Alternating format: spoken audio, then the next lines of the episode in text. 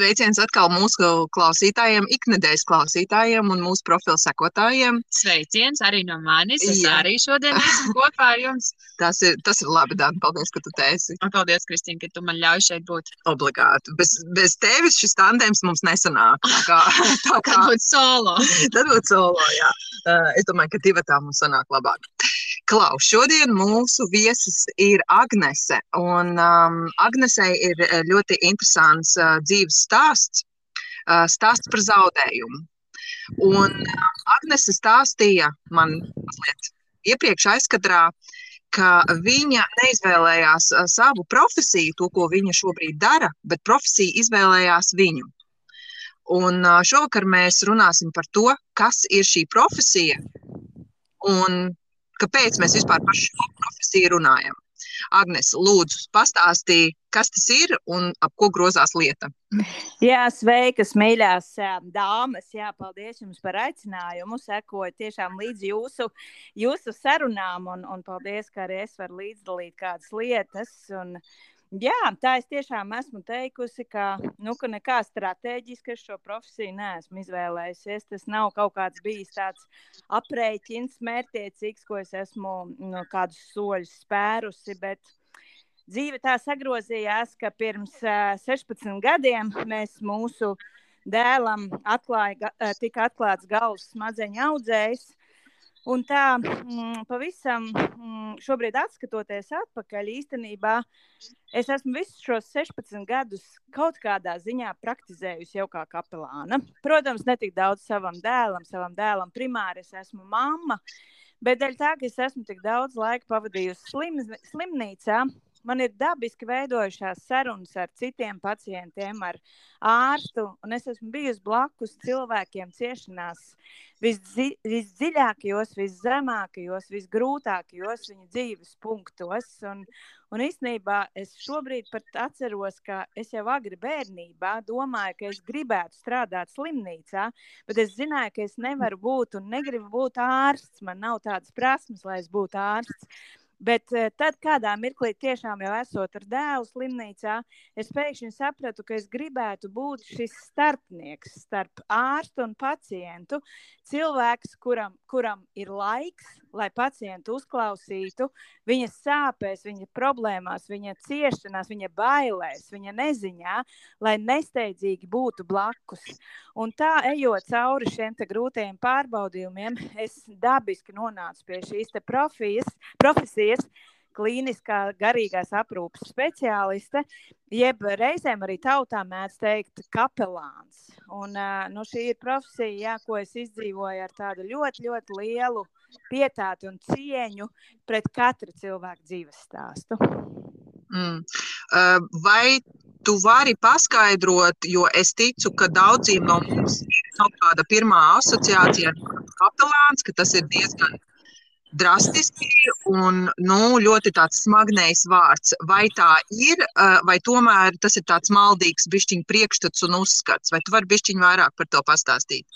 Jā, nu, es, es piekrītu tam, ko tu saki, jo nereti tiešām ienākot pie pacientiem palātā, un tad, kad es pasaku, ka es esmu kapelāne, es uzreiz steidzu teikt, tikai nenobīsties, jo ļoti bieži tas priekšstats ir tāds, nu tā, ja pie manis ir atnācis kapelāns, tad skaidrs ir viens, ka, nu, ka ir pavisam slikti. Bet īstenībā kapelāns ir cilvēks, kurš kurš uzklausa otru cilvēku un mēģina tajā dzīves stāstā atrast cerību, atrast spēku, lai cīnītos tālāk, lai sameklētu kādus resursus, pie kā pieķerties, lai ļautu aptvert to, kas ir noticis ar cilvēku, izrunātu to, kas ir noticis, izrunātu visu, kas tam seko, lai izsērotu.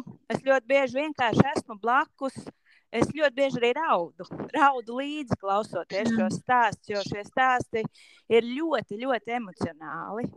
Un uh, nav vajadzīgi, kā teikt, tur gari ievadi, lai, lai tiktu līdz tai saknē. Ļoti bieži cilvēki mm, ir mēs varam uzreiz sākt runāt par to būtiskāko. Un tas ir varbūt kaut kas tāds ļoti, ļoti īpašs šajā profesijā, ka tās ir ļoti dziļas un jēgpilnas sarunas. Um, tātad šis viss uh, jums aizsākās ģimenē, ņemot vērā jūsu personīgo situāciju. Mm. Jā, tā tas kā, ir. Jā, kā tu pati, uh, kur tu biji tajā, um, tajā dziedināšanas ceļā vai tajā, vai pat to var nosaukt par dziedināšanas posmu tajā pašā pašos pirmsākumos, kur tu pati biji kā cilvēks, kā mamma, uh, un varbūt vadi mūs cauri tam, tai, tai savai pieredzēji, nu, no tā momenta līdz šim brīdim, kā tu esi pati mainījusies, ko tu esi sapratusi, un kā viss šis ir dziedinājis jūs abus un arī nu, visu ģimeni kopumā. Jā, paldies tev. Nu, jāsaka, ka mūsu dēls bija nu, gaužām mazs. Viņam bija septiņi gadi.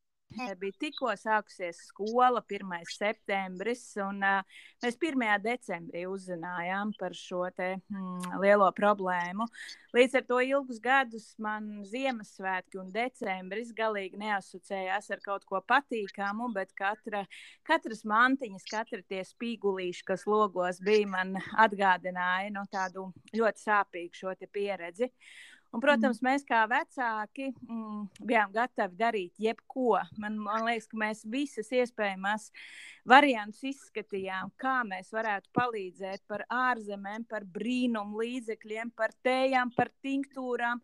Nu, visu, ja mums kāds teikt, ka mums ir jāuzkāpj augstākajā kalnā, lai dabūtu kaut ko, kas var palīdzēt, mēs to tajā laikā būtu izdarījuši. Un tajā mm. laikā es arī strādāju mm, krīžu centrā, kas, kas palīdz bērniem, kuri cietuši no vardarbības. Un, un jāsaka, ka tas bija viens tāds balsts, ka man apkārt bija cilvēki, ar kuriem es varēju runāt. Bet uh, diezgan ātri es sāku meklēt vēl jautājumus, dziļākus jautājumus, kur man tikai ar psiholoģijas zināšanām nepietika. Un es meklēju mm, mācītāju, un man bija jau kontakts ar viņu ar uh, mācītāju Edgars Māži. Tas bija tas solis, ko mēs abi spērām kopā ar vīru, uh, kad tikāmies ar mācītāju.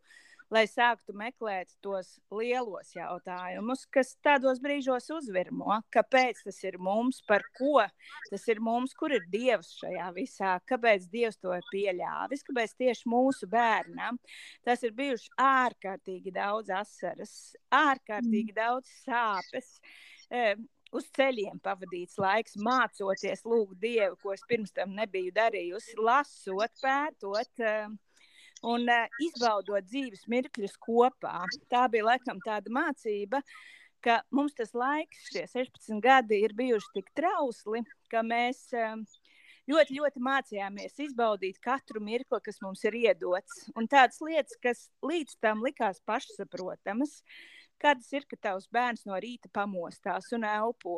Kā tas ir uzklāt četrus, mēs esam četri ģimenē, četrus šķīvis brokastīs, un ka visi četri krēsli ir aizpildīti, un mēs visi četri sēžam kopā.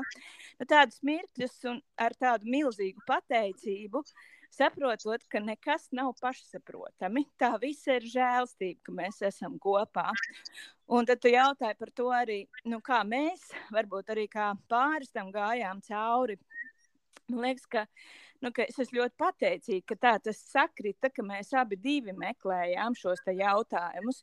Abi meklējām arī atbildes, kas notiek mūsu sirdīs ar šīm sāpēm un ievainojumiem.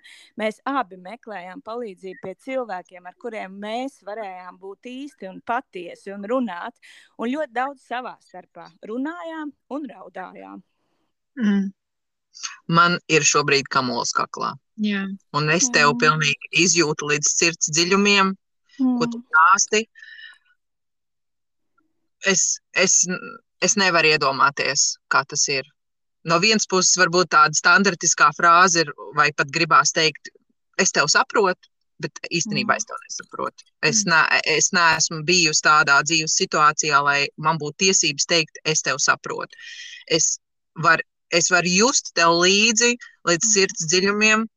Un kā mēs, kā mēs arī spriedām Instagram profilu storijos par līdzjūtību un empātiju, -hmm. kur kaut kādā mērā šie, šīs divas izjūtas un emocijas kaut kādā mērā mijās kaut kur, bet patiesībā viņas ir ļoti dažādas. Un lielākā daļa mūsu profila atbalstītāji arī minēja, ka empātija ir tā, ko katrs no mums vēlās saņemt tādos dzīves vistumšākajos un vis, viszemākajos momentos.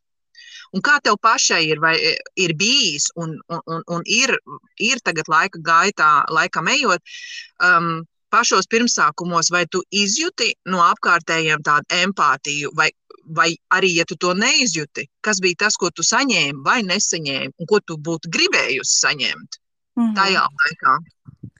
Jā, nu es laikam esmu ļoti, ļoti pateicīga par to, ka šī pieredze mūs ar vīru tikai satuvināja vēl ciešāk. Tas lielākais balsts mēs viens otram bijām. Bet man ir arī nu, ģimene, no kuras es esmu nākusi, mani vecāki, mana māsa.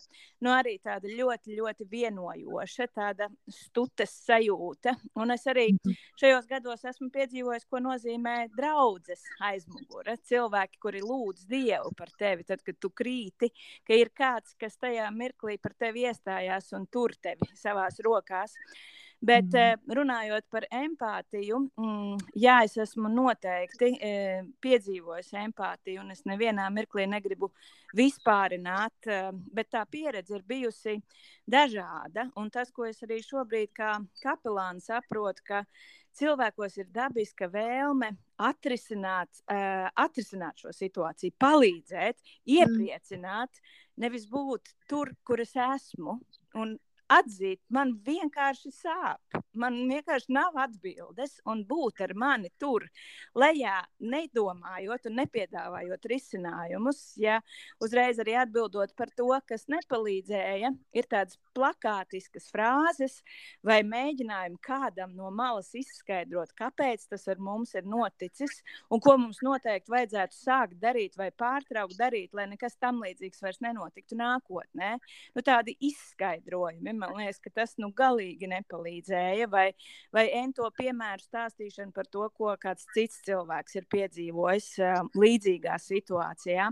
Tā kā es teiktu, ka tas, kas visvairāk palīdzēja, ir būšana blakus. Un man ir mhm. kāda laba draudzene, kur es atceros tajā laikā, kas mums bija visgrūtākais. Tas bija pirms četriem gadiem, kad mūsu dēls bija trīs mēnešus reanimācijas nodaļā un patiešām cīnījās par dzīvību dzīvību uh, vairāk mēnešu garumā.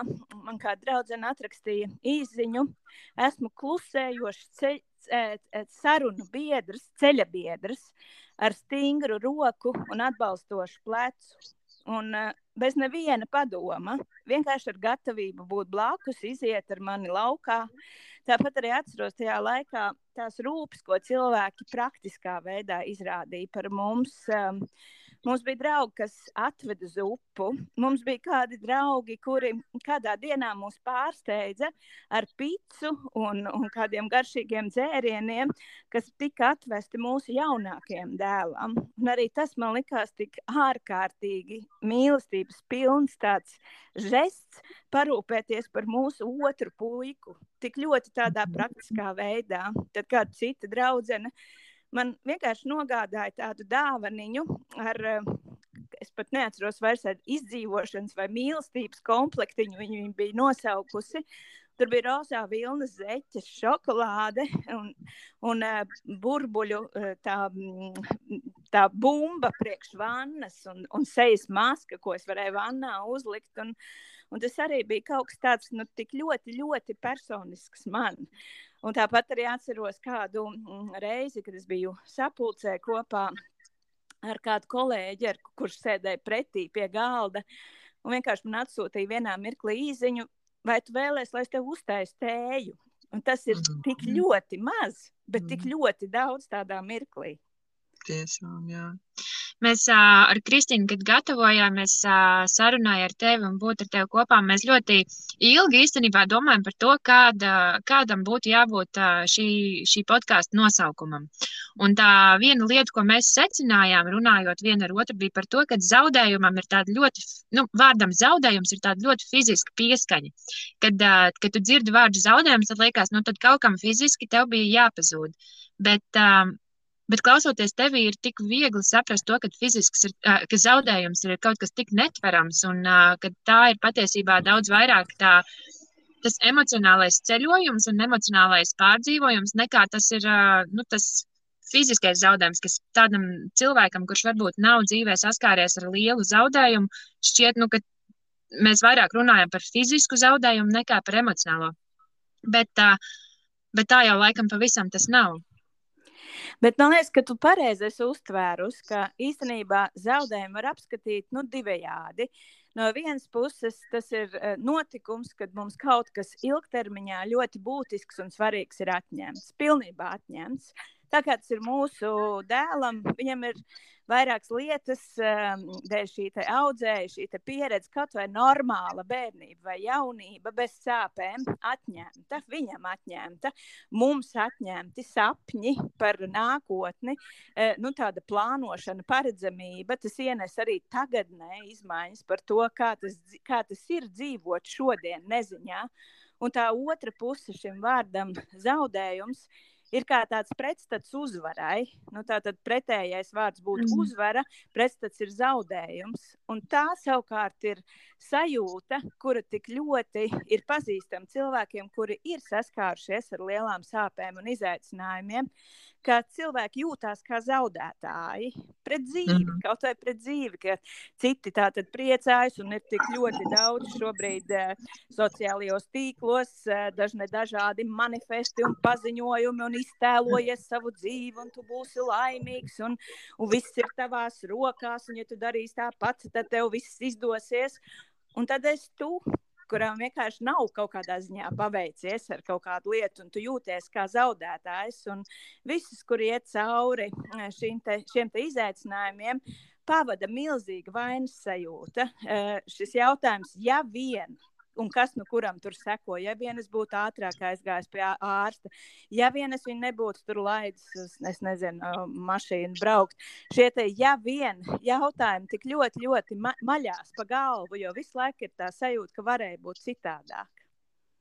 Mm. Cik lielā mērā tas aptvēra tavu dzīvi? Nu, tad, vai tas ir vai, tāda, vai šī sajūta ir tāda, kas tev nepamēt, nepārtraukti visu laiku, vai tas ir kaut kas tāds, kas tev nāk viļņveidīgi? Kā, kā, kāda ir šī zaudējuma sajūta?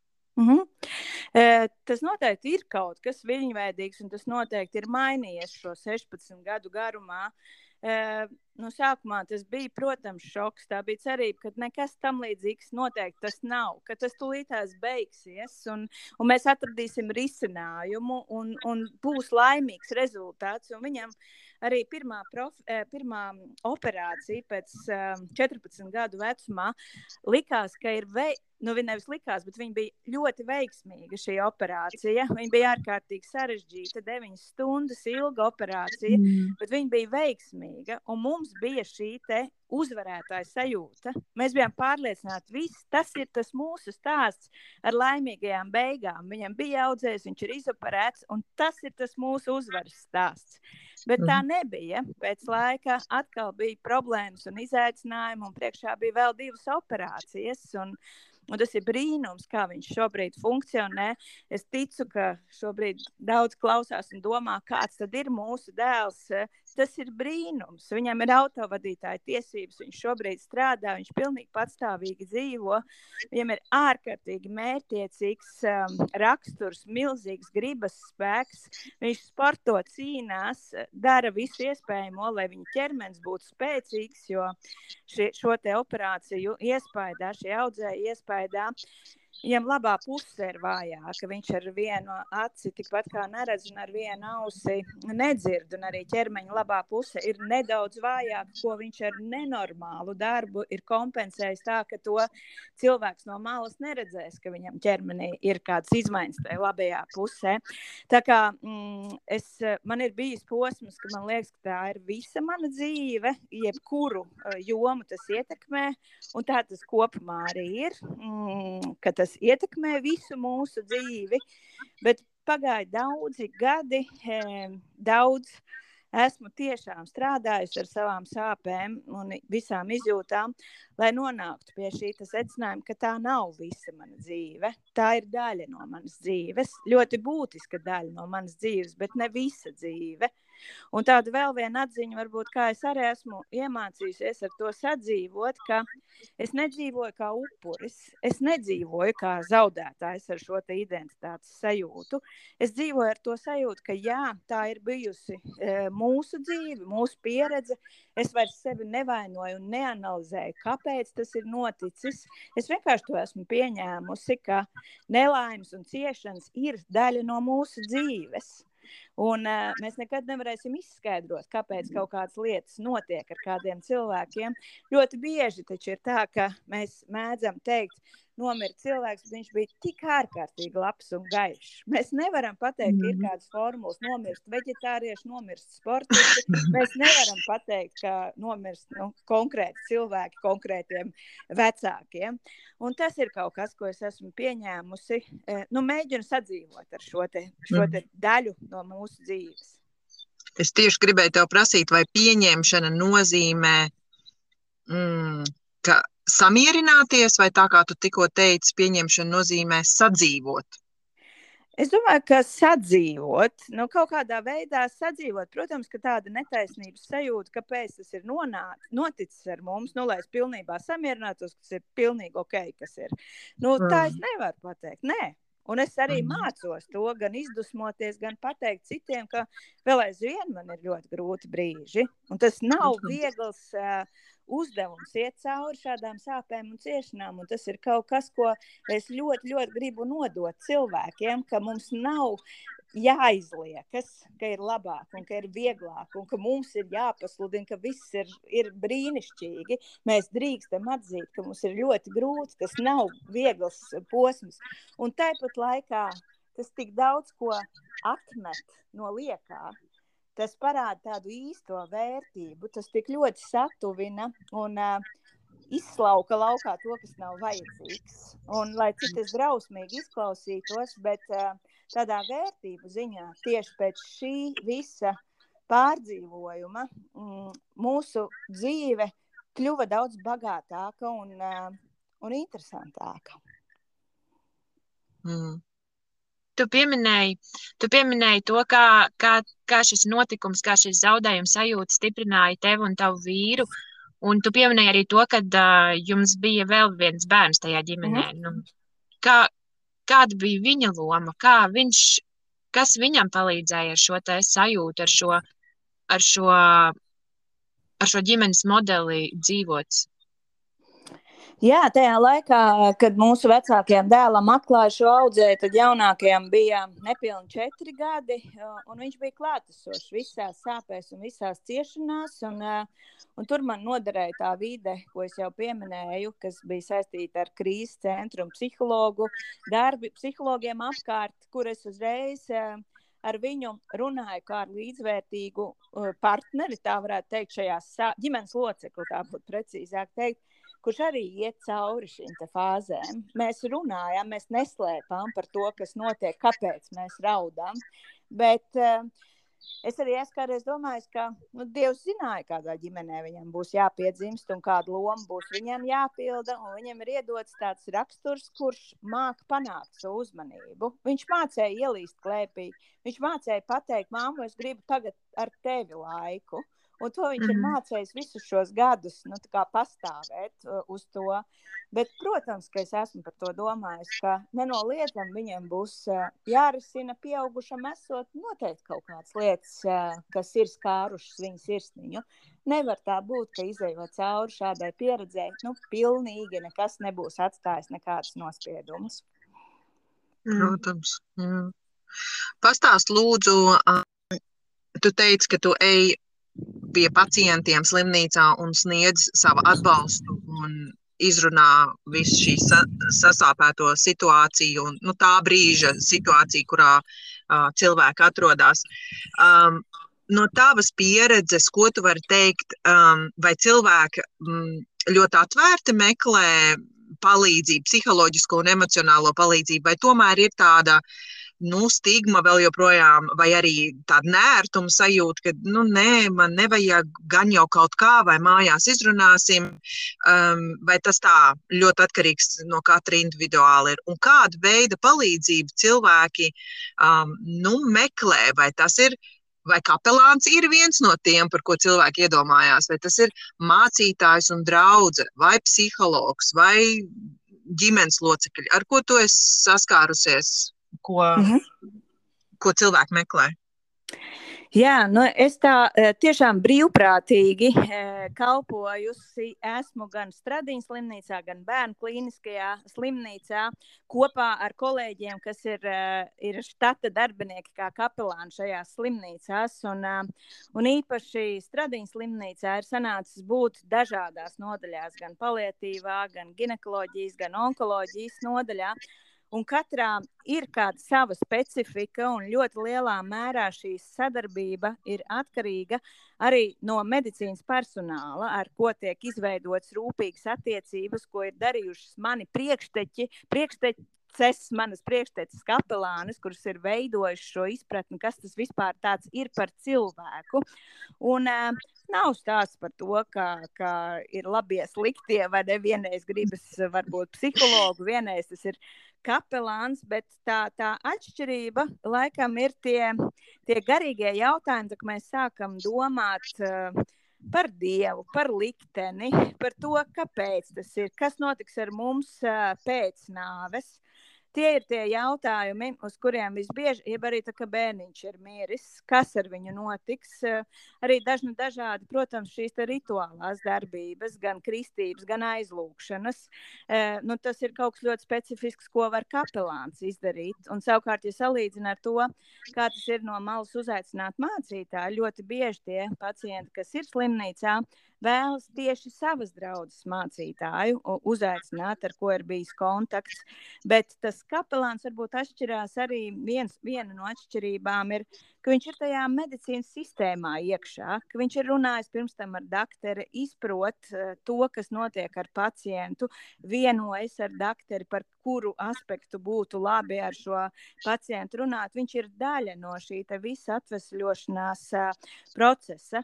Un, un par to, vai visi ļoti atvērti gaida kapelānu, arī ir dažādi. Bet jāsaka, ka, nu jā, ka, ka ir tāda nodaļa specifika, kā palietīvā nodaļa, kur, nu, kur vienmēr ir atvērti un gaida kapelānu.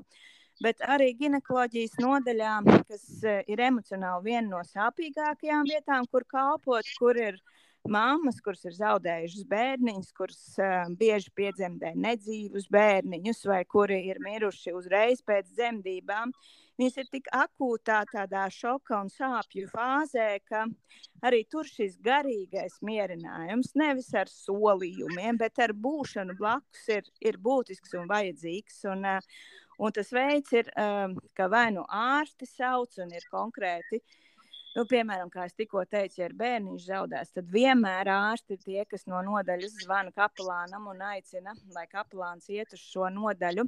Citreiz tā ir paša pacienta iniciatīva, bet man jāsaka, ka, manuprāt, diezgan maz pacienti zina, ka ir šāds unikāls resurss kapelāns. Jā slimnīcā. Jā, tā kā pie tā mēs arī te kopīgi visi strādājam, lai to vairāk zinātu. Jā, citreiz tas ir tuvinieku lūgums, kuri, kur, kuri lūdz, lai, lai aiziet pie viņa mm, tuvinieka un parunā. Tā kā tie ceļi ir dažādi. Reizēm, jā, pie, paiklauvējot pie palātas uh, durvīm, var redzēt, ka ir šis noliegums, bet uh, Nu, tur nostrādā ļoti tas cilvēcīgais un personīgais faktors. Ja tu ej mīlestībā, ja tu esi gatavs cienīt kaut vai viņa laiku un pajautāt, vai šobrīd ir laiks sarunai, un būt vienkārši blakus, lai uzklausītu viņu, tad tā saruna dabiski izveidojas pat ar tiem, kuri varbūt pirmajā brīdī saka, man neko nevajag tam līdzīgu. Mm. Man, nu, protams, slimnīcā varbūt tas pats par sevi, bet ka cilvēki tur ir, kam ir nepieciešams ne tikai fiziskais atbalsts, bet arī garīgais. Bet vai tev kā kapelānam vienmēr ir jābūt tādam nu, zibens novedējam, kur cilvēks vienmēr izliek savu tādu uh, frustrāciju un, uh, un, un, un jautājumus, vai tu vari arī būt uh, klāt tādos emocionāli pacelājošos brīžos? Jā, tas ir labs jautājums. Vai, vai cilvēki, nu, vai cilvēki meklē šādas lietas tikai tad, kad viņiem ir nu, garīgi, kad viņi ir tuvu kaut kāda garīga sabrukuma robežai? Man jau liekas, godīgi sakot, ka vairāk ir tā, ka tad, kad tas garīgais sabrukums ir, bet ja izdodas būt ilgtermiņā blakus kādam cilvēkam, tad var redzēt šo izaugsmu, šo unikālo izaugsmu, kā cilvēks mainās, kā viņš iet cauri veselīgā veidā, caur sērām, caur sāpēm, ieskatoties šīm sāpēm acīs, kā viņš mēģina aptvert, kas ar viņu ir noticis, un mēģina rast veidu, kā dzīvot tālāk. Un, uh, Un ļoti bieži, e, līdzīgi tā kā kad mazs bērniņš dzimst, tas ir tāds ārkārtīgi skaists dievišķs mirklis, kuru īsti nevar aptvert to mērogu un to, kas notiek. Tā ir arī tad, kad cilvēks ir tuvu nāvei vai saskāries ar, ar kādu grūtu nedziedināmu slimību. Uh, tur ir arī tas dievišķais mirklis, un tajā visā ir kaut kas ārkārtīgi skaists un neaptverams. Tāpēc tā robeža mm, ir tāda trausla. Tur ir sāpes, un nevienmēr, protams, kas, tas ir kaut kas, kas ir vienā reizē galīgi. Nē. Bet, eh, bet ļoti bieži ir jā, šādi skaisti emocionālie mirkļi, kad cilvēks kaut ko atmet un sāk dzīvot citādāk. Mm. Interesanti, tu tā, tu tā runā, un es domāju arī par tiem eksistenciālajiem jautājumiem. Un, uh, laikam, nu, tāds, uh, viens no tādiem nesenākajiem, nesenākajiem notikumiem, kas uh, skāra mūs visus, un kur mums sākās kaut kādi tādi lieli jautājumi, bija tad, kad 24. februārī Ukrainā sākās karš, kad sākās dažādi jautājumi tur priekš kam, kam ir jēga, vai vispār man ir šo darīt jēga, un tā. Kādi ir tie jautājumi, ko cilvēki meklē? Kas ir, kas, kas ir tās atbildes, kas ir nepieciešams cilvēkam, lai viņam būtu tāds dvēseles mīlestības? Miers? Nu, es domāju, ka tas viens ir tas spiediens no ārpuses būt laimīgam un, uh, un tāda pieprasoša attieksme visu atrisināt. Un neredz par tādām zaudējumiem un sāpēm ir priekšstats, ka ir tikai divi scenāriji. Vai nu tu izēji tam visam cauri, paceltu galvu, laimīgs, dziedināts un brīvs, vai nu tu sēdi istabas tumšākajā stūrī raudi un necelies augšā un ar depresiju paliec. Bet uh, ir tas vidus. Ir tā, nu, es, kā, kā saku, balts melns, bet ir arī pelēkais tonis, kur ir vajadzīgi gadi, lai ar to sadzīvotu un samierinātos un sāktu meklēt šīs atbildes. Un visbiežāk tie ir jautājumi, kāpēc. Tas, laikam, ir tāds mm fundamentālais jautājums, kāpēc ar mani tas notika.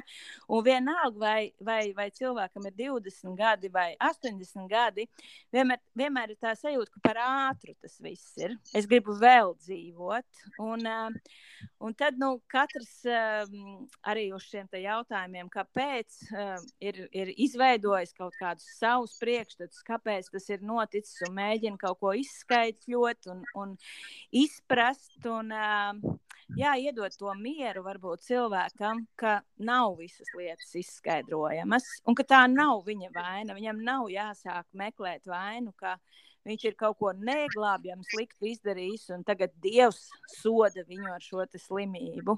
Nu, tāda liela vainas sajūta un kauns arī ir tie jautājumi, un kas notiks tālāk nu, ar maniem mīļajiem, un tā vēlme visu sakārtot, visu vēl nokontrolēt, izprast.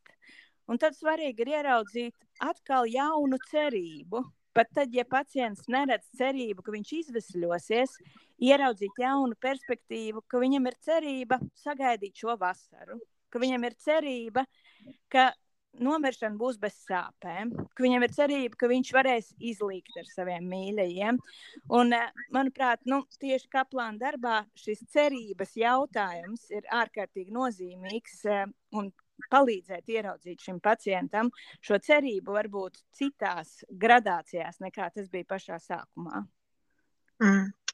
Ļoti, ļoti skaisti man patika, ko tu teici par cerību. Es atceros arī, kad sen, sen uh, nu, latvietiem, latvietiem tipiskajām ir tāds teiciens cerība muļķi mierinājums, vai ne? Mm -hmm. bet, uh, bet tas man šķiet ir tik, uh, tik briesmīgi, ja mēs dzīvot bez cerības, ja mums būtu sajūta, ka uh, nu, ka labāk nebūs un ka, ka tas ir mm. viss, kas mums pienākās. Paldies, ka tu to tā izdalīji. Jā, Agnes... man to arī ārsti īstenībā saka, ja tā cerība pazūd un vēlme, nu tā kā motivācija līdz ar to, nu ka tad ir daudz grūtāk pacientam palīdzēt. Protams, jā. Pastāst lūdzu vēl ātri, um, tu minēji par savu kalpošanu un um, un uh, to darbiņu, ko tu darīji slimnīcā, kā kāds tas vārds bija? Kapelāne. Jā, Br brīvprātīgais, brīvprātīgais, jā, Jā. tā es gribēju teikt.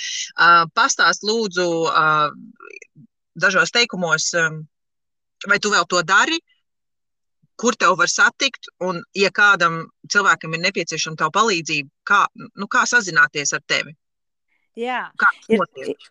jā, ir tā, ka, nu, ka es bri- uz, uz bērnu mm, stradiņu slimnīcu patiešām vienojoties ar tām kaplānēm, kas tur ir uz vietas štatā, eju savu iespēju robežās un, Un jāsaka, man ir arī savi e, praktiski dziļāki mērķi. Es varu pilnīgi godīgi arī atzīties, ka tad, kad man uznāk, e, uzmācās bailes no nāves, tad pirmā lieta, ko es daru, ir eju uz slimnīcu. Mm, jo tad, kad ieskatās nāvei acīs, kaut kā tā nāve. E, Tik biedējoši vairs neliekas.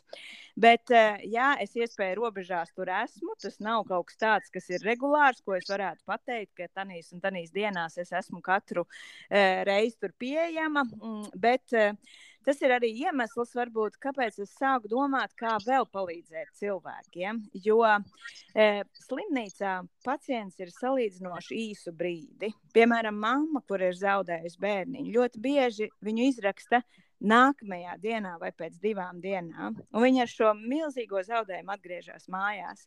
Vai cilvēks, kurš ir zaudējis kādu orgānu vai orgānu funkcijas, vai saņēmis diagnozi par nedziedināmu slim, slimību, viņš atgriežas mājās. Un, un tāpēc es esmu sākus domāt, kā izmantot šo laiku gudri, kad ir internets, kad ir nu, šie sociālie tīkli, lai piedāvātu atbalsta programmu lielākam cilvēku skaitam ilgtermiņā. Un tas ir tas, pie kā es šobrīd patiešām ļoti pamatīgi balstoties uz savu pieredzi, no tā, ko ir teikuši pacienti, no tā, ko es esmu mācījusies, no tā, ko es esmu ļoti, ļoti daudz lasījusi un pētījusi. Es sāku veidot nu, šādu atbalstu programmu, lai es varētu palīdzēt lielākam uh, cilvēku skaitam iziet, uh, būt kopā šajās sērās, jo tieši drošā vidē ar cilvēkiem, kuri ir piedzīvojuši lielākus zaudējumus, tas arī ir pierādīts, ka ir lielāks iespējas um, nu, to visu aptvert un izsērot kopā ar cilvēkiem, kuri tevi saprot un nenosoda. Tā kā es aicinātu, ja atbildētu uz tavu jautājumu, kur man atrast, sekot līdzi manam profilam Instagram, visam savs laiks. Tie ir salamana vārdi, ka visam ir savs laiks, ir savs laiks gan sērot, gan diet.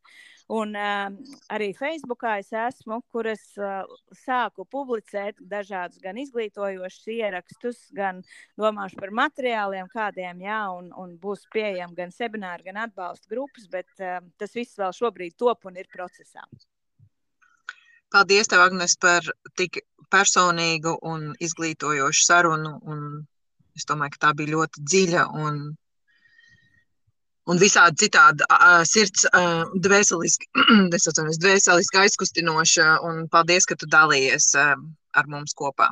Paldies, paldies par jūsu spēju un prasmi klausīties un uzdot dziļus un atvērtus jautājumus. Paldies jums! Nav par ko. Paldies! Paldies, tev. Agnes! Mēs arī tiešām ļoti, ļoti baudītu to, ka varam būt kopā, un uh, kaut arī mēs nedalām vienādu dzīves ceļu, ir tāda sajūta, ka mēs varam iet blakus. Jā. Paldies! Un es ceru, ka kaut vienam klausītājam tas ir noderējis. Un, uh, man vienmēr svarīgi ir arī atgriezniskā saite, kas ir uzrunājis, kas varbūt palicis ir nesaprasts. Tāpēc aicinu rakstiet apakšā komentārus, jautājumus, jo jūsu jautājumi ir ļoti būtiski. Es ticu arī jums, dāmas, lai veidotu nākamos raidījumus. Tā kā iedrošinu tiešām dalīties ar uh, saviem jautājumiem un komentāriem. Paldies tev par atbalstu mums. Jā, Jā. prieks. Paldies. Atā. Atā. Atā.